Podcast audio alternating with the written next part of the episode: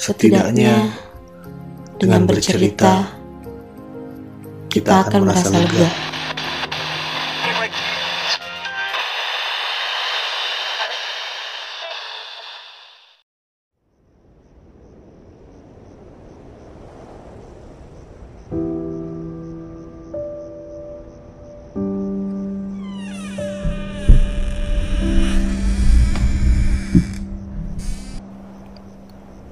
Kalau pada akhirnya sia-sia,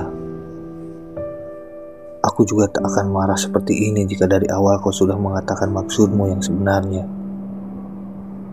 Mencari banyak alasan bodoh untuk menyingkirkan aku yang dari sudah lama selalu ada untukmu. Segala cara kau cari, dan yang paling membuatku kecewa adalah caramu membawa orang yang baru saja kau kenal masuk di antara kita berdua. Lalu dengan sepihak mengatakan, bahwa dia adalah yang selama ini kau idam-idamkan. yang dari dulu menyembuhkan luka-lukamu itu aku. Yang dari dulu menemanimu ketika kau terjatuh itu aku. Yang dari dulu mendengarkan isak tangismu itu aku. Yang dari dulu memaklumi tingkah bodohmu itu aku.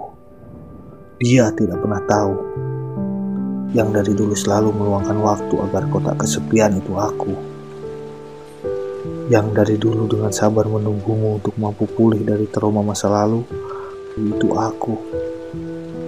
Dan ketika hatimu sudah mampu menerima orang baru, anehnya yang kau pilih itu dia, bukan aku.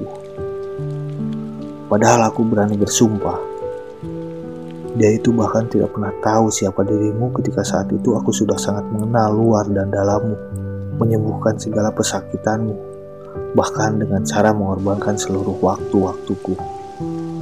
Keparat. Lalu sekarang kau masih berulang kali bertanya mengapa hingga saat ini aku masih belum bisa memaafkanmu. Hah. Semoga saja ia mencapakan